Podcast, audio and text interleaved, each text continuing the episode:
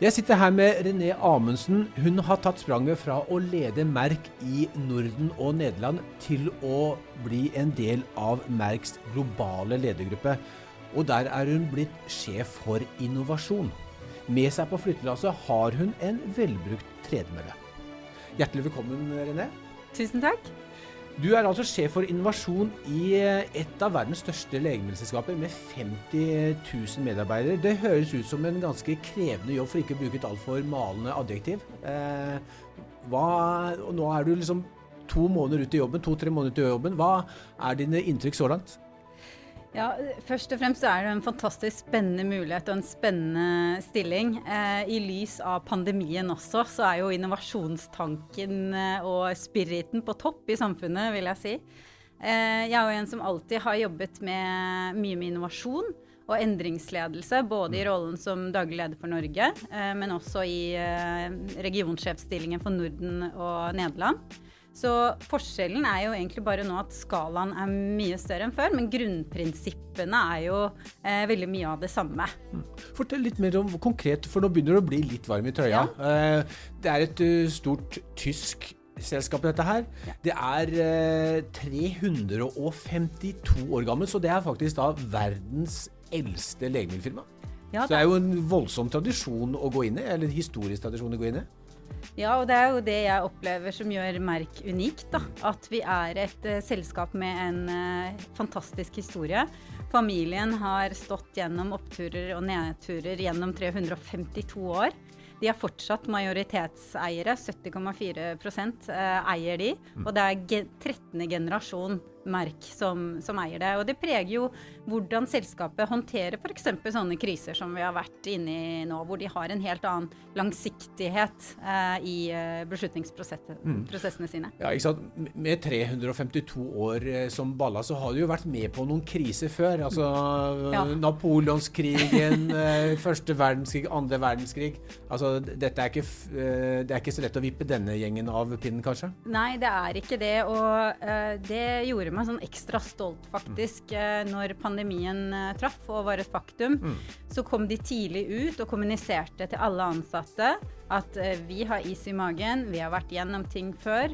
Vi skal ikke trekke noen forhastede konklusjoner. Vårt fokus er nummer én å fortsette å bringe eh, legemidlene våre til pasienten. Mm. Og nummer to å ivareta deres eh, arbeidsplasser. Mm. Så det, det syns jeg Det ga i hvert fall meg en sånn her, enda større stolthet for det selskapet jeg jobber for. Mm. Darmstadt er hovedkontoret. Ja. Litt sånn uh, i området Frankfurt for de som ikke er så bevandret i tysk geografi. Det stemmer. Eh, har du tatt med deg flytelasset ned dit? Jeg har ikke det. Jeg blir værende i uh, Norge og jobber uh, herfra. Men selvfølgelig, når uh, grensene åpner igjen, mm. så ha, er jo mitt fysiske kontor nå på hovedkontoret i Tyskland. Mm. Så jeg ser veldig frem til også å reise ned dit og møte det nye teamet mitt, f.eks., som mm. jeg ikke har fått fysisk møtt ennå. Men uh, jeg tror at det også har endret seg veldig nå i lys av pandemien. At man ser annerledes på at det kanskje ikke er så farlig hvor man uh, bor, mm. så lenge man er mobil, at man kan bruke digitale uh, hjelpemidler. Mm. Så hvordan konkret, hvordan ser arbeidsdagen ut til deg nå? Du, altså, du har ansvaret, vi skal komme litt mer inn på det, på innovasjon og på digitalisering. Altså mm. to veldig vesentlige ting som vi ser at ikke bare legemiddelindustrien, men alle store og, og tunge og små bedrifter også er, er, nødt til å fokusere mer på. Hvordan ser arbeidsdagen din ut, Rene? Ja, nå består den jo i Teams-møter. Mm. Fra jeg står opp til uh, sent på ettermiddagen. Det er um, Altså, Global Business Innovation er som en slags Jeg ser på det som en edderkopp i et spindelvev i, et globalt, i en global organisasjon. Mm. Så eh, stakeholder-kartet er utrolig komplekst, og veldig mange. Så jeg prater med veldig mye folk. Jeg bruker mye tid med teamet mitt for å forstå hva vi har ansvaret for, komme inn i det, mm. og se hvilken verdi bringer vi inn i organisasjonen. Og hva er behovet til alle disse interne eh, stakeholderne som vi mm. har? Fordi vi jobber på en måte i grensesnittet mellom eh, franchise, også terapifeltene som eh, vi jobber innenfor, og eh, region og land. Så det vil si at vi er en eh, businesspartner for de mm. i å operasjonalisere strategien ved bruk av bl.a. digitale mm. verktøy og, og, og, optimalisere den sammensetningen. Da. Så, så, nå har jo de fleste av oss fått et krasjkurs i digitalisering. Vi har liksom Kulturen i veldig mange bedrifter, den innovative kulturen, er på en måte veldig endret. Vi er antakeligvis mer mottagelige for uh, å bli ytterligere digitalisert. Hva, hvilke perspektiver har du for Merk når det gjelder digitalisering? Jo, det er at uh, Merk har tidlig uh, gjort signifikante investeringer mm. i å integrere digitale verktøy og plattformer i måten vi jobber på, uh, for å gjøre hverdagen vår enklere. Men også for å, for å være mer fleksible i kontaktflatene vi har med f.eks. Mm. helsepersonell. Det man tydelig ser, da, det er jo at uh, før pandemien traff, så er det jo veldig ulik grad av adopsjon mm. av digitale uh, verktøy. Og det er store geografiske forskjeller. Men når pandemien traff og lockdown var et faktum, så så vi at vi som organisasjon umiddelbart klarte å snu oss uh, rundt og tilpasse måter, nye måter å, å, jobbe på. Så vi jo et sånn der, tok jo et digitalt kvantesprang, det tror jeg på tvers om det er mm. Merk eller mm. bransjen eller samfunnet som helhet eh, har, har, kjent på. Eh, så det vil si at investeringer som Merk har gjort for flere år siden, mm. de høstet vi av nå, og vi mista på en måte ikke noe tid eller fart fordi vi måtte begynne å implementere. Mm. Og det handler jo på en måte Global Business Innovation om at vi har hele tiden et blikk på hva er det neste nye normale? Mm. Så det er jo på en måte samtidig som vi nå støtter i eh, eh Støtter både land, region, eh, franchise i og adopsjonen av digitale verktøy, så begynner vi allerede nå å se på hva kommer videre. Og det er veldig sterkt forankret i den eh, forretningsmessige strategien til Merk. Det er mm. digital satsing. Hva som kommer videre i neste fase, hva, kan du røpe litt uh, uten å være Du må gjerne røpe forretningshemmelighetene, men hva, hva, ser du og Merk for dere er den neste store innovative bølge? Jeg tror ikke at jeg har svaret på det ennå, for jeg er veldig lytte- og læremodus ja. fortsatt. Men Eh, det jeg tror at vi skal benytte eh, muligheten til nå, det er å, å se på eh, den operasjonelle forretningsmodellen vår. For som sagt, vi så jo hvor fort vi tok et kvantesprang inn i den digitale verden. Og min refleksjon er i hvert fall at leger og helsepersonell, spesielt i den regionen vi er i, i Norden, har vært tilbakeholdne med å øh, ville åpne opp for interaksjoner gjennom digitale plattformer. Mm. Mens nå ser vi at de etterspør det. Mm. Og de ser at øh, på, på, noen tasteklikk så kan de sitte og diskutere med masse kollegaer, både på tvers av Norge, men også på tvers av landegrenser. Så det åpner opp en helt annen øh, mulighet og, og rekkevidde, tilpasning Uh, Ut ifra hvilke preferanser har helsepersonell. Mm. Um, så jeg tror jo at vi på et eller annet tidspunkt uh, vil se en eller annen hybridmodell av det vi uh, ser i dag. Ja, for dette er jo interessant. altså det som i hvert fall på, på si, nedstrømsvirksomheten til legemiddelindustrien, altså det som går på markedsføring og salg av legemidler, eller det å informere legene, så har jo veldig mye av denne kontaktflaten blitt tatt bort. Mm. Den, de kontaktflatene har jo vært eh, de store konferansene ja. og den daglige møtene med Så, så, så det må da gå digitalt. Mm. Så, så, det du sier at det, det, det, begynner å gå seg til? Altså at dere begynner å finne en form som, som er verdifull for både helsepersonellet og dere? Ja, absolutt. Det er jo tilbakemeldinger eh, vi, vi, får fra våre kunder. Mm. Eh, og de ser jo mer Altså det, alt handler jo om verdi. Mm. Eh, at vi klarer å bringe en verdi til de, og sånn som f.eks. For i forbindelse med eh, pandemien, så var det jo et behov for å diskutere hva, hva, slags behandling skal vi nå tilby til ulike pasientgrupper, sårbare pasientgrupper. Mm. Og der eh, spiller vi som industri og kompetansebedrift en, en, veldig viktig rolle. Og jeg tror sånn som du nevner med kongresser, da, vi kommer mm. jo aldri til å gå tilbake til den samme type kongressdeltakelse som tidligere. ASKO var jo helt digitalt eh, eh, i år.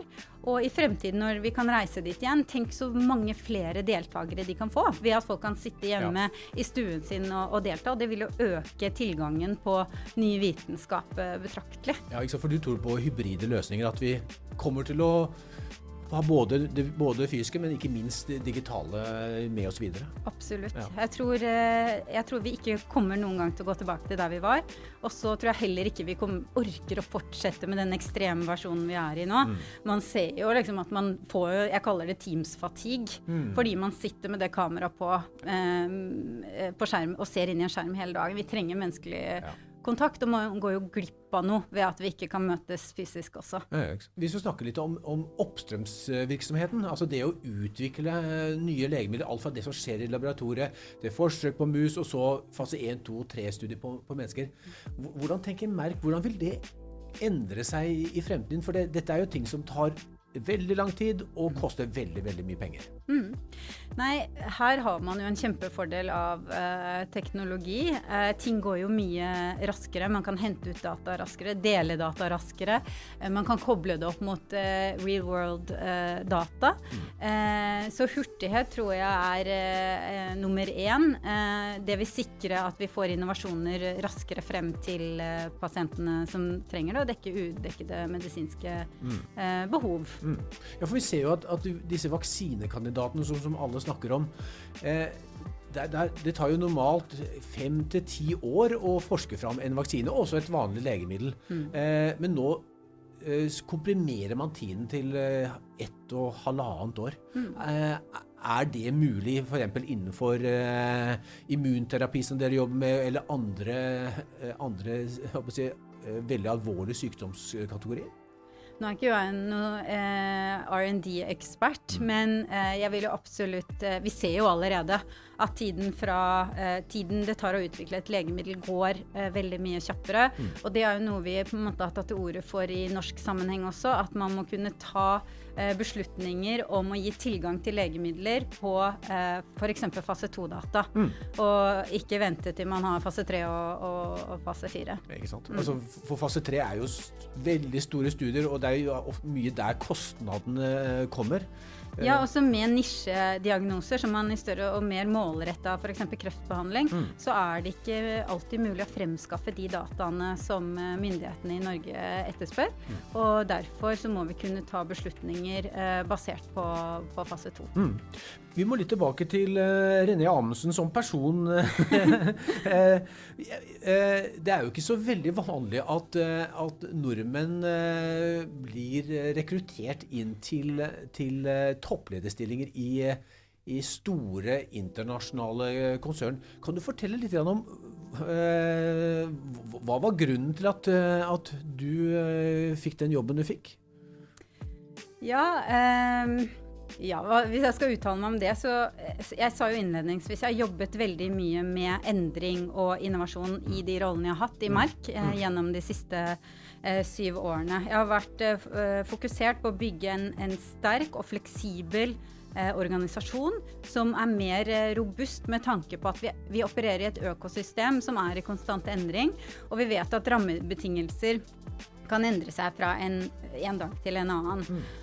Og det jeg på en måte har vært veldig opptatt av, er at jeg ser at vi som bransje allikevel har operert veldig tradisjonelt i et økosystem som endrer seg hele tiden. Så vi må jo også endre oss og tilpasse oss og bli mer eh, dynamiske, innovative, mer villige til å ta mm. eh, risiko. Så det som eh, jeg har gjort sammen med både det norske teamet og i Norden og Nederland, er jo å etablere en eh, prosjektorganisasjon mm. hvor du har mye mer fokus på hvilken kompetanse og erfaring er det hver enkelt har.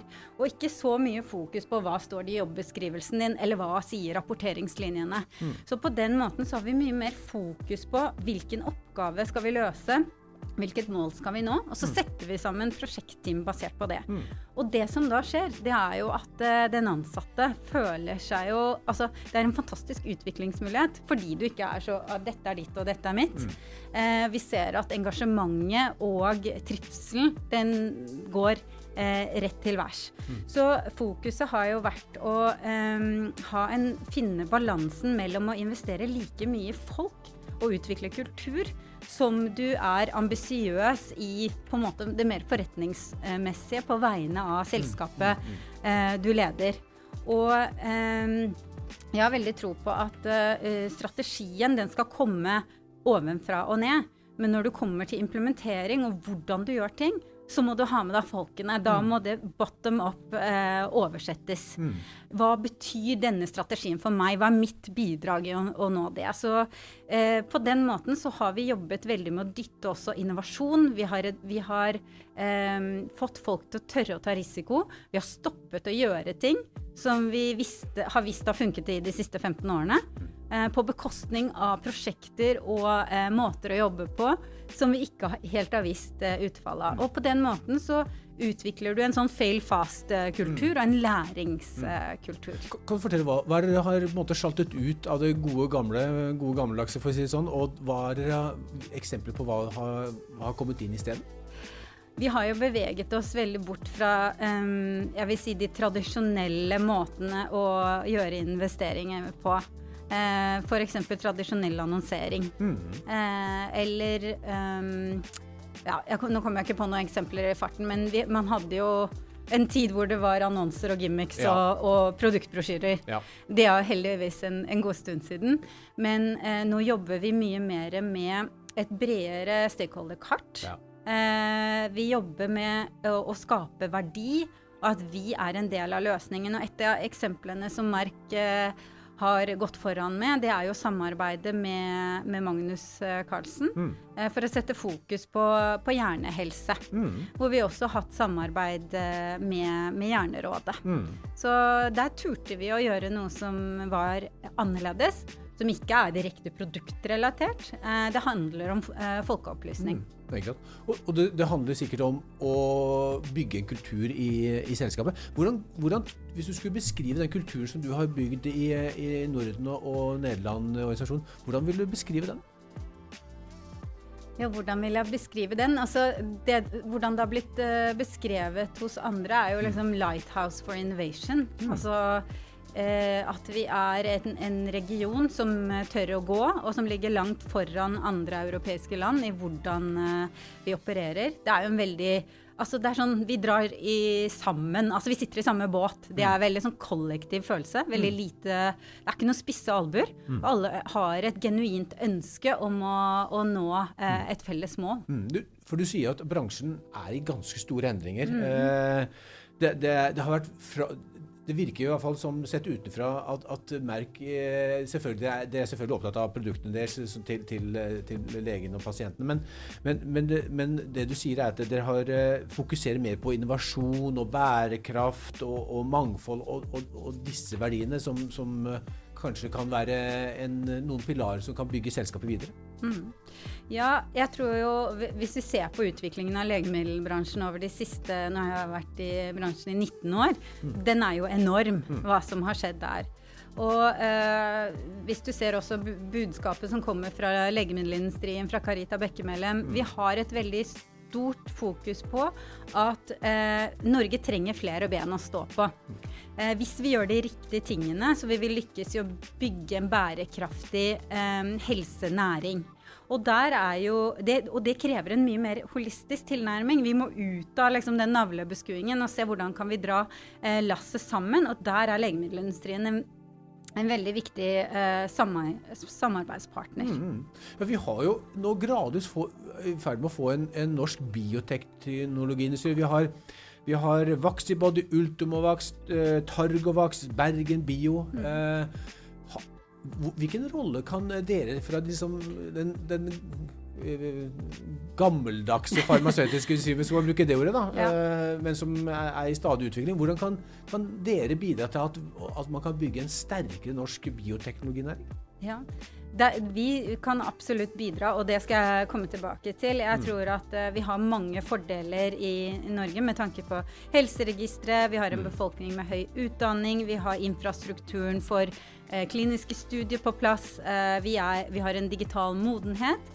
Eh, men hovedutfordringen er at vi ser at eh, på mange områder, og spesielt kanskje innen kreft, så får norske pasienter en, en forsinket tilgang til de innovasjonene. Så vi må eh, som samfunn og myndighetene vi må bevege oss over i et fokus hvor eh, vi verdsetter innovasjoner og gjør at de kommer raskere eh, frem til eh, pasientene. Og eh, det vi kan bidra med som internasjonal farma, det er eh, Vi har mye kompetanse, eh, og vi har eh, ressurser. Og hvis man ser på disse eh, startupsene, så eh, trenger de kunnskap om hvordan skal du gå fra forskning til kommersialisering. Ja. Ja. der mener jeg helt klart at vi kan være en veldig god samarbeidspartner. Og så er jo tilgang på kapital er jo eh, viktig for dem, for de har ikke en inntjening. Og de, det vil ta lang tid før de vil kunne betjene et lån. Men det kommer da eh, fordi det man ser er at for at norske helseinnovasjoner skal lykkes på det globale markedet, at man skal kunne skalere opp, Mm. så må de ha et referanse hjemmemarked. Så det vil si at vi må ha et bærekraftig, en bærekraftig helsenæring i Norge. Og da kommer du tilbake til å endre rammebetingelsene og se verdien av innovasjoner. Så dette henger Ja.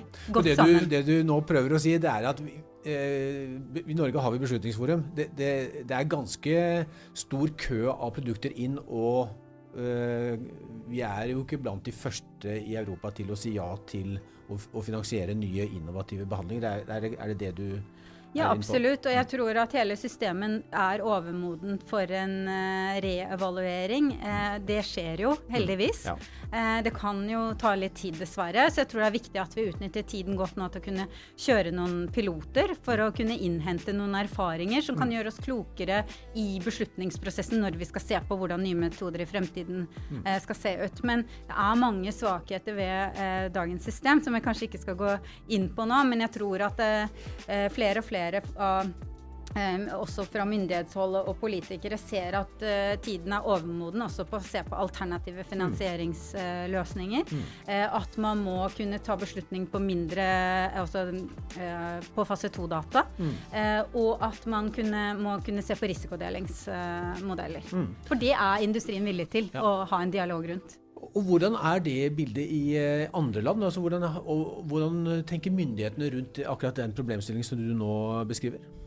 Nei, sånn som i, i Danmark f.eks., så har man jo en, en mye raskere tilgang til innovasjoner. Der går det relativt fort. Eh, den store forskjellen men, mellom Norge og Danmark er at eh, de er mye, deres beslutningssystem er mye tettere knyttet til klinikerne. Så det er ikke bare økonomiske insentiver som, eh, som ligger til grunn for beslutningene. Det er også kliniske vurderinger, og det tror jeg er en stor svakhet med det norske systemet. Ja, ikke sant? Og det som du var inne på, at Norge har jo ikke hatt en stor eh, farmasøytisk industri. Det har Danmark hatt, Ja. eh, og har, gjennom bl.a. Eh, Novo Nordisk, som er jo en Ja. gigant. Mye mye større enn noe norsk selskap, eh, også innenfor olje og gass. Eh, så tror du at når, når eh, forhåpentligvis Norge får en sterkere bioteknæring og, og helsenæring, at, vi, at, at det, det vil også bli større forståelse for den type resonnement hos myndighetene? Ja, absolutt. Og, og da må vi begynne i den riktige enden for å få kapitaltilgang til Ja. disse eh, biotek-selskapene. For å kunne skalere det opp, at de skal kunne bli eh, globale. Du sa at uh, veldig mye av dagene dine går til å sitte i, i Teams-møter. Uh, men uh, hva gjør du når du stenger av maskinen? Hva, hva liker du å gjøre på fritida? Ja. jeg, har jo, jeg er jo mamma til to barn, Martinius og, og Sofie. Så eh, jeg bruker mye tid med de. Vi har vårt rekreasjonssted på hytta på Norefjell. Der drar vi opp så ofte som vi kan. Eh, vi elsker å stå på ski og gå tur i fjellet alle sammen, så der lader vi batteriene sammen eh, som familie. Eh, ellers så har jeg fantastiske venner som betyr veldig mye for meg, som gir meg masse energi og påfyll. Så, så ofte jeg kan, så treffer jeg de.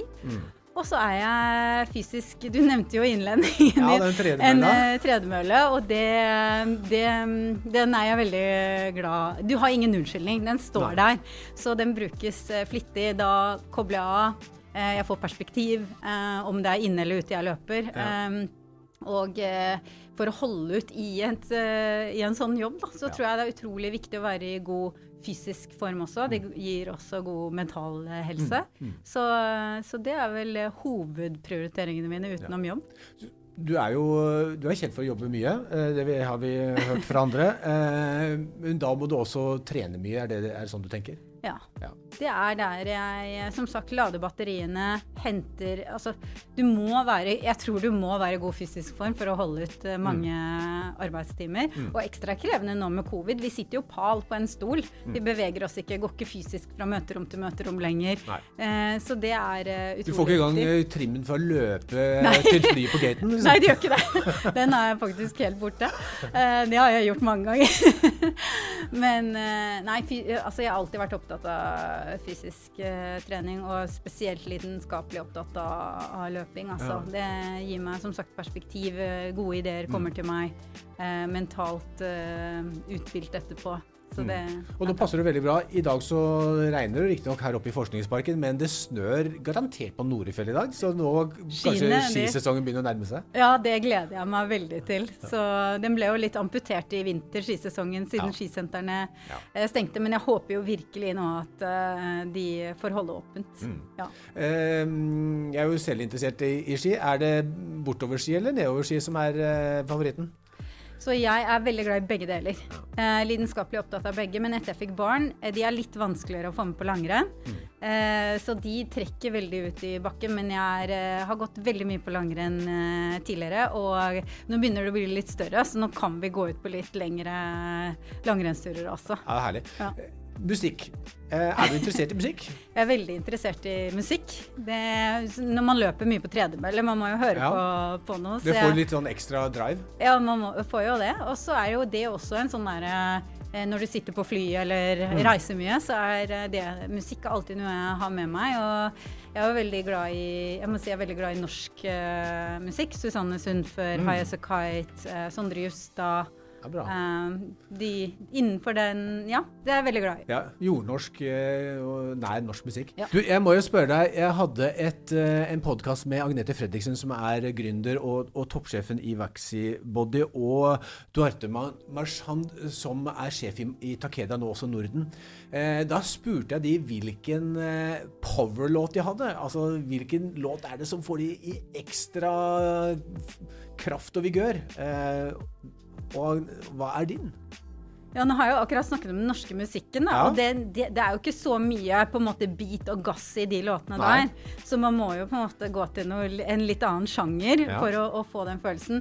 Men jeg har én låt som jeg setter på, i full, på for full guffe i bilen hvis jeg skal liksom få opp energien og 'yes, dette skal gå bra', og det er 'I Follow Rivers' av Lykke Li. Det er en svensk eh, artist. Og da, hvis du ikke har hørt den, så må du sette den på. Det er helt umulig å sitte stille. I Follow Rivers Ja. av Lykke Li. jeg, eh, jeg har hørt av flere av henne, men ikke, ikke den. Nei. Det skal vi sette på etterpå. ja, det skal vi. Ja. Og hva er, det, hva er det den gir deg? Eh, den gir meg eh, masse energi liksom innenfra. Jeg, klar, jeg er jo faktisk veldig glad i å danse også. så det er litt sånn at jeg har lyst til å, å bevege på meg. Eh, jeg, den er veldig positiv. Eh, så du kjenner at du får hvis, du, hvis det er noen du gruer deg til, og man kanskje begynner med litt sånn nedsnakking av seg selv, så får du en sånn Nei, dette fikser jeg-følelse.